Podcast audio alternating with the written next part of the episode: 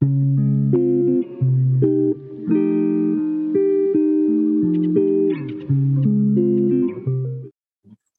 večer, lepo pozdravljeni na stotem Zoom srečanju članov Društva za srečno življenje Belis. Hvala vam za to vašo podporo in mogoče bi na začetku samo povedal, kaj pravzaprav pomeni število 100. No? Tako na kratko.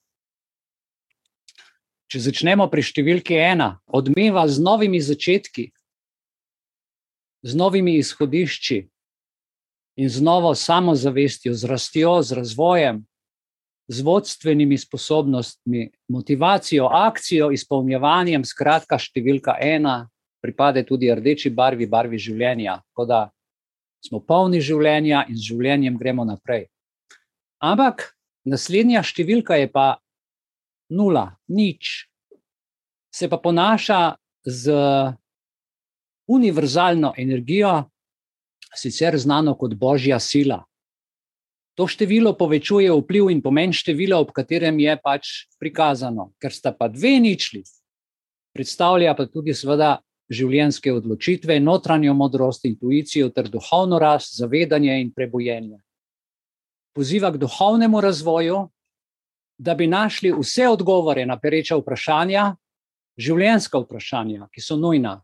No, pa se danes podajmo na neko posebno, široko časovno avanturo.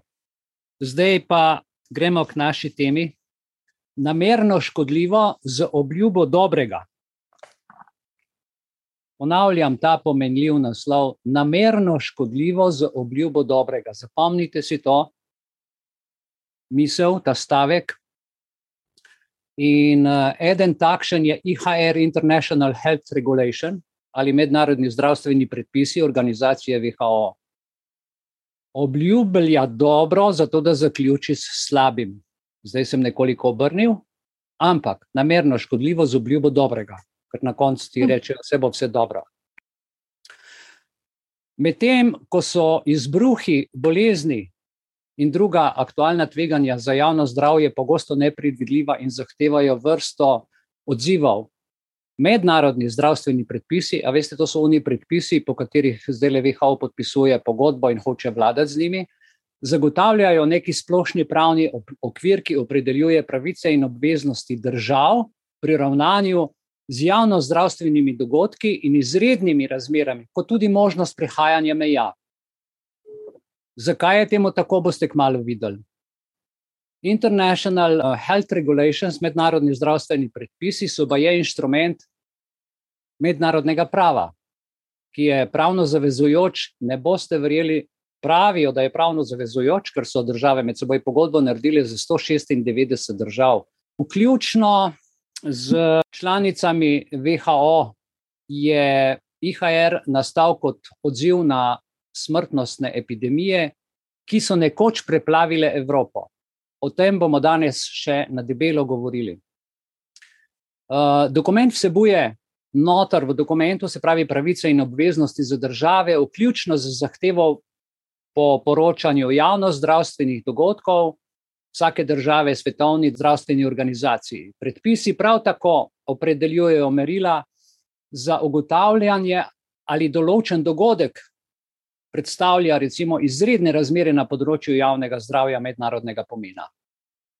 IHR od držav hkrati zahteva, da imenujejo tako imenovano nacionalno kontaktno točko za IHR za komunikacijo z Svetovno zdravstveno organizacijo, in da na podlagi tega vzpostavijo in vzdržujejo temeljne zmogljivosti za nadzor in odziv, vključno na določenih vstopnih točkah. Dodatne določbe obravnavajo področja mednarodnih potovanj, prevozov, vsi veste, kako smo bili zaprti, kaj vse smo potrebovali, da smo se gibali, kot so recimo ti zdravstveni dokumenti, QR kode, nam vsem poznane, potrdila, ki so bila in v nekaterih državah že po zakonu so potrebna za mednarodni promet in mnoge druge omejitve in ukrepi. Končno, mednarodni zdravstveni predpisi uvajajo pomembne zaščite in zaščitne ukrepe za zaščito pravic potnikov in drugih oseb v zvezi z dodelavo in obdelavo osebnih podatkov. Nam rečejo, da, da nam dajo pravico, da si pridobimo tak dokument. Si morate zamisliti to dikcijo. Nesramno, podlo, nizkotno. Meni da pravico, da mu jaz znam podatke in da me potem. Okay. Vse lepo in prav, sliši se vse skupaj zelo spodbudno, zaščitno in na koncu koncev lepo besedno. Ko zadeva pride v prakso, je vse drugače. Izkaže se, da so to pravila, zavoda za prestajanje zaporne kazni, če ne hujša pravila, a v tem primeru za odprto družbo, ki jo povsem zaprejo. Izkazalo se je, da so navodila bistveno bolj škodljiva od samega virusa, pa recimo temu od španske gripe, vse do SARS-CoV-2, ki povzroča COVID. Zaradi tega mednarodnega dokumenta, ki ga je izdala Svetovna zdravstvena organizacija, je nastala bistveno večja škoda, kot če bi knjige iz teh navodil sploh ne bilo. Generalni direktor WHO s pomočjo mednarodnih zdravstvenih predpisov končno določi začasna priporočila za obravnavo razmer na podlagi nasvetov odbora za nujne primere, na podlagi informacij, ki so jih zagotovile seveda države pogodbenice, kot smo rekli, 196 jih je, znanstvenih strokovnjakov ter na podlagi ocene tveganj za zdravje ljudi, tveganja mednarodnega širjenja bolezni in tveganja oviranja mednarodnih potovanj. V skladu s temi pravili začasna priporočila samodejno prenehajo, zapomnite si po treh mesecih. Ko pridejo te stvari v veljavo, samodejno preneha v treh mesecih, zato so nam skozi podaljševali. Najprej so rekli, 14 dni bomo potrpeli, potem um, en mesec, potem ne vem, koliko krat se je to ponavljalo. In vsake tri mesece pregledajo potem tekoče epidemiološko uh, stanje, situacijo in preverijo, ali dogodek še vedno velja za javno zdravstveno izredno stanje mednarodnega pomena in ali je treba spremeniti začasna priporočila. Tako kot jim pa še to podaljšujejo, Namreč ukrepi toliko škodujejo ljudem, da se potem dejansko po, uh, zaradi psihološkega stanja, zaradi ukrepov, uh, zdravstveno stanje in stresa, seveda, ljudem toliko poslabša, da dejansko pride do, do, do virusa, do bolezni, do obolenj in to umetno podaljšujejo. Ne? Ok, moje današnje informativno predavanje o organizacijski strukturi namerno škodljivega, kot smo rekli na začetku, tako imenovanega COVID odziva se naslanja na sveža odkritja Aleksandre Letipove, ki je pred nekaj dnevi, ker sem jo zasledil, razpravljala o nadzoru vojaško-obveščevalnih agencij ZDA nad cepivi in intervencijami proti COVID-u. V tem eseju boste razumeli, zakaj je upletena vojska in zakaj civilna družba ne more nič narediti. Poslušajte pozorno, ker bomo potem skozi prosojnice, skozi PowerPoint si podrobno pogledali, kaj katera organizacija pomeni, tako kot sem tudi v vabilu poslal. To se pravi, v nasprotju z javno znanostjo je ta zakonodajni okvir omogočil, da se zdravilo za COVID vzame iz rok zdravstvenih regulatorjev. Okay? Ta stavek bom ponovil. V nasprotju z javno znanostjo, tisto, kar je bilo utečeno, je zakonodajni okvir omogočil, ki se je nakopičil skozi čas in padel skupaj ravno v letu 2020, da se vzame iz rok zdravstvenih regulatorjev in se postavi pod nadzor Sveta za nacionalno varnost, ki se mu reče NSC in Ministrstva za obrambo DOD.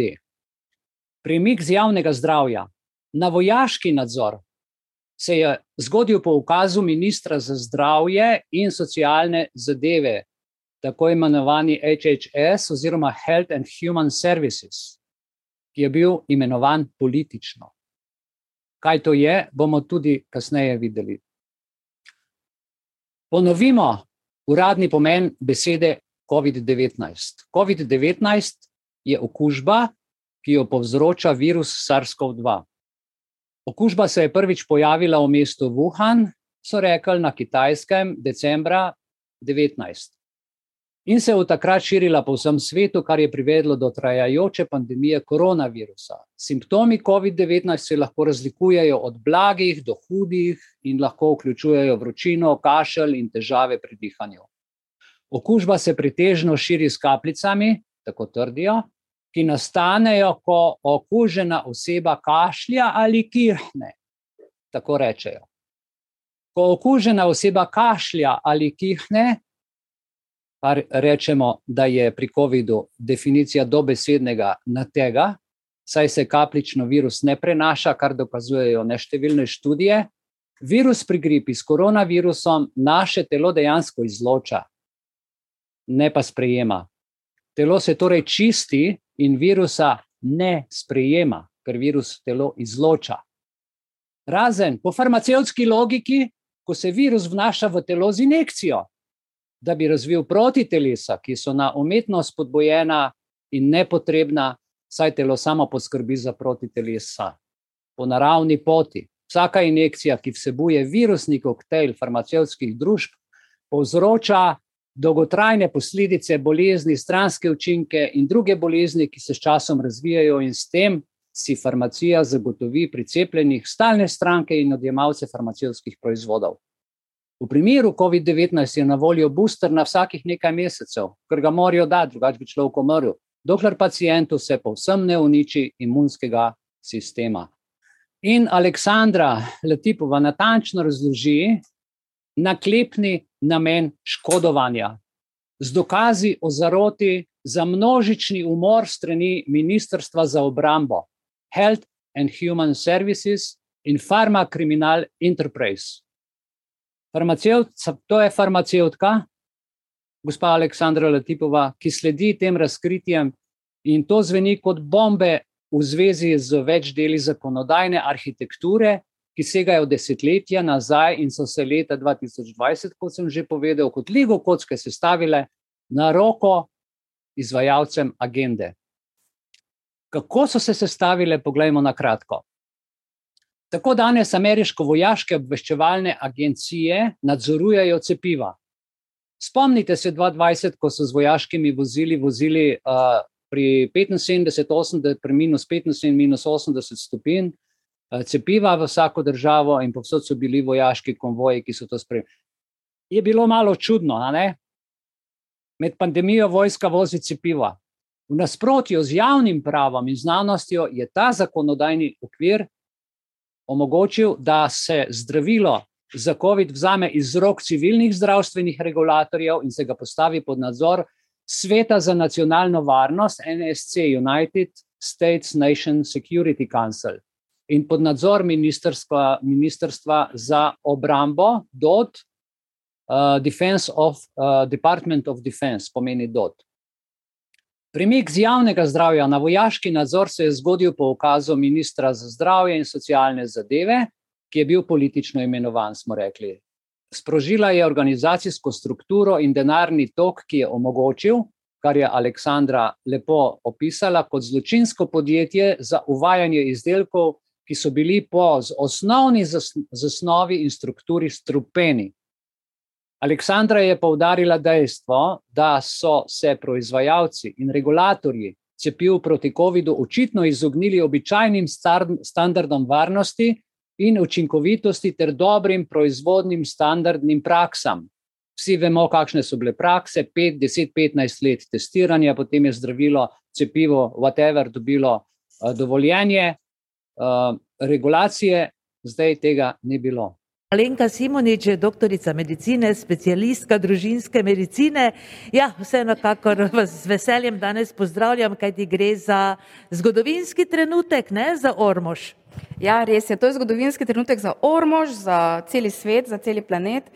Uh, pravzaprav danes se začenja konec, ne? lahko rečemo, vsej tej nori, upamo tako, da bo naslednje leto čist nekaj drugega, da bomo v sredini leta dosegli tisto 60-odstotno splošno precepljenost in da bomo končno lahko zaživeli tako, kot si želimo. Je neko sporočilo z ministrstva, nam je pač, so nam sporočili, da bo vsaki teden prišlo približno enaka količina doz, vsaki teden vedno znova. Uh, to je nekje, zdaj je prišlo 55 dos, uh, mogoče bo tudi mogoče malo lenkost več in potem bo to neki, um, mi bomo po nekem ključu, poglede na prijave ljudi, klicali ljudi in jih cepili. Ne? Ponovilo čez tri tedne in potem ta odmerek bo potem tisti dokončen, nekje pravijo, da drži nekje leto dni. Moram pa reči, da že po prvem odmerku se vzpostavi neka večja imunost in uh, smo ljudje že po prvem odmerku nekoliko bolj odporni na to, da zbolimo. Brezplačno za vse državljane Evropske unije, tako da nobene težave, nič ni treba plačati. Pravzaprav noben regulativni organ na svetu ne uveljavlja trenutnih dobrih proizvodnih praks kakor so bile postavljene, kar bi moralo biti kot rdeča luč na semaforju za vse nas, in tudi je. Za nas je to ne samo rdeča, ampak desetkrat rdeča luč.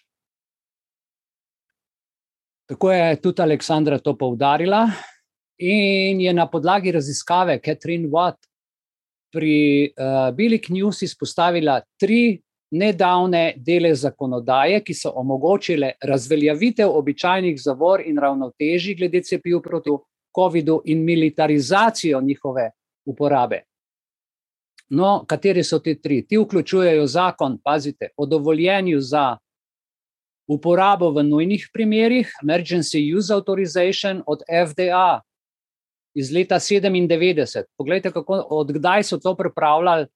Uh, se pravi, vse meje, ki so bile, so jih po 30, 20, 50 let so jih počasi skupaj zlagali v zakonodajo, oziroma spremembe zakona o organu za druge transakcije iz leta 2015 in zakon PREP z določbami o nujnih primerih javnega zdravja, so bile, ki so bile, pazite, pod Trumpom, precej neprobojne. Ampak tik pred razglasitvijo izrednih razmer na področju javnega zdravja leta 2020 se je to spremenilo. In ti trije deli zakonodaje so leta 2020 skupaj, seveda z drugimi zakoni, kliknili tako skupaj, da bi ustvarili pravno kletko in pseudo legitimacijo umora, je pojasnila farmacevtka Aleksandra Latipova. 30 let dela v farmaciji. Pravni okvir je bil aktiviran ko so bile razglašene izredne razmere na področju javnega zdravja, in je sekretar Health and Human Services cepiva proti COVID-u označil za protiukrep, kar se je zgodilo 10. marca 2020 in sicer retroaktivno do 4. februarja 2020. Oni so jih poveljavili za nazaj. Ne? Od takrat se je bilo mogoče, od takrat je bilo mogoče opustiti običajne klinične in etične standarde, saj proti ukrepi po tem zakonu niso bili potrebni za izpolnjevanje nobenih standardov. Nekje sem celo prebral, ker je pisalo na vijalah, da je cepivo varno in učinkovito, je to za regulatorje zadostovalo, da so cepivo spustili naprej, brez da bi ga preverili, preverili brez da bi bili kakršni koli klinični testi napravljeni. Skratka, samo zato, ker je na flaškah pisalo, da je cepivo varno in učinkovito. To so neverjetne zgodbe, kaj so naredili. Aleksandra Latipova je povdarila, da je odobritev proti ukrepov v skladu z zakonodajo EUA predmet izključne presoje sekretarja Health and Human Services, ki enostransko odloča.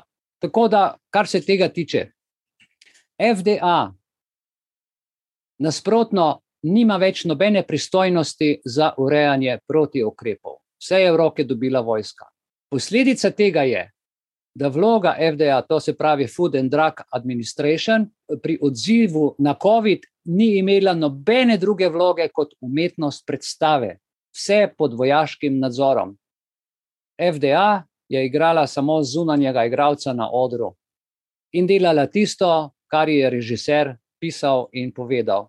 In dejansko se FDA, Food and Drug Administration, tega popolnoma zaveda, ker so navedli ta poseben del zakona v svojem osnutku smernic za razvoj cepiv proti COVID-19. To je zelo pomembna prevara, ki jo je FDA izvajala z vsemi, z ZDA državljani, pa ne samo tam, ampak zanesljivo, gledajte, tudi globalno občinstvo in globalni regulatori, ter vse vlade so sprejele enak način te prevare, ker vsi sledijo po vsem svetu Food and Drug Administration navodilom. V nadaljnih razkritjih je Aleksandra Latipova razkrila, da FDA ni imela nobene pravne pristojnosti nad cepivi proti COVID-u, temveč je bil Forum za nacionalno varus, varnost NSC ameriškega predsednika, brez kakršnih koli agencij za javno zdravje, tisti, ki je usmerjal to politiko glede COVID-a, ne Health and Human Services, pač pa pod vodstvom National Security, je ameriški odziv na pandemijo vodila, pazite, Zvezdna agencija za upravljanje v izrednih razmerah, ki jo poznamo pod imenom FEMA, Federal Emergency Management Agency, na mesto Health and Human Services, kar je bilo prvič v zgodovini. To je kot če bi pri nas rekel, da bo pandemijo, pa epidemijo vodila civilna zaščita in ne Ministrstvo za zdravje. Tukaj, da imate predstavo, o čem govorim. To je bilo prvič, da je Federal Emergency Management Agency, FEMA, prevzela odgovornost za javno zdravstveni incident. Okay, to je tako, kot da bi da vas gasilci zdravili.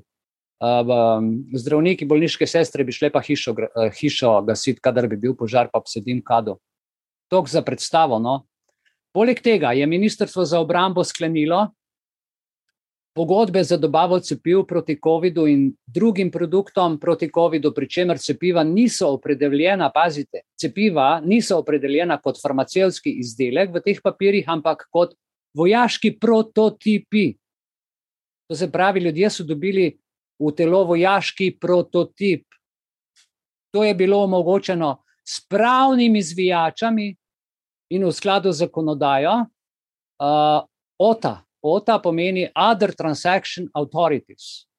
Kar neki, out of the space, Other Transactions Authority, ki je cepiva proti COVID-u uvrstila v vseobsegajočo kategorijo pod drugo in jih postavila zunaj vseh običajno reguliranih ali odgovornih pogodbenih dogovorov, ki so veljali do leta 2020. V tandemu je zakon podelil imuniteto vsem proizvajalcem, vsem izvajalcem v pogodbeni verigi Ministrstva za obrambo. Nihče ne bo nič kriv, karkoli se zgodi. Za podrobnejši pregled militarizirane pseudopravne strukture, ki ureja proti ukrep in cepiva proti COVID-u, si bomo sedaj podrobneje ogledali, kaj vsaka od teh omenjenih institucij počne, kako to počne in zakaj počne, kar počne. Upam, da ste dobili uh, sliko v glavi, uh, to je vaša slika, vaš, uh, kako sem pač uspel to podati, razumeli. Če kdo želi to besedilo in te dokaze, mu jih lahko posredi, posreduje, me lahko pokliče, z veseljem bom dal.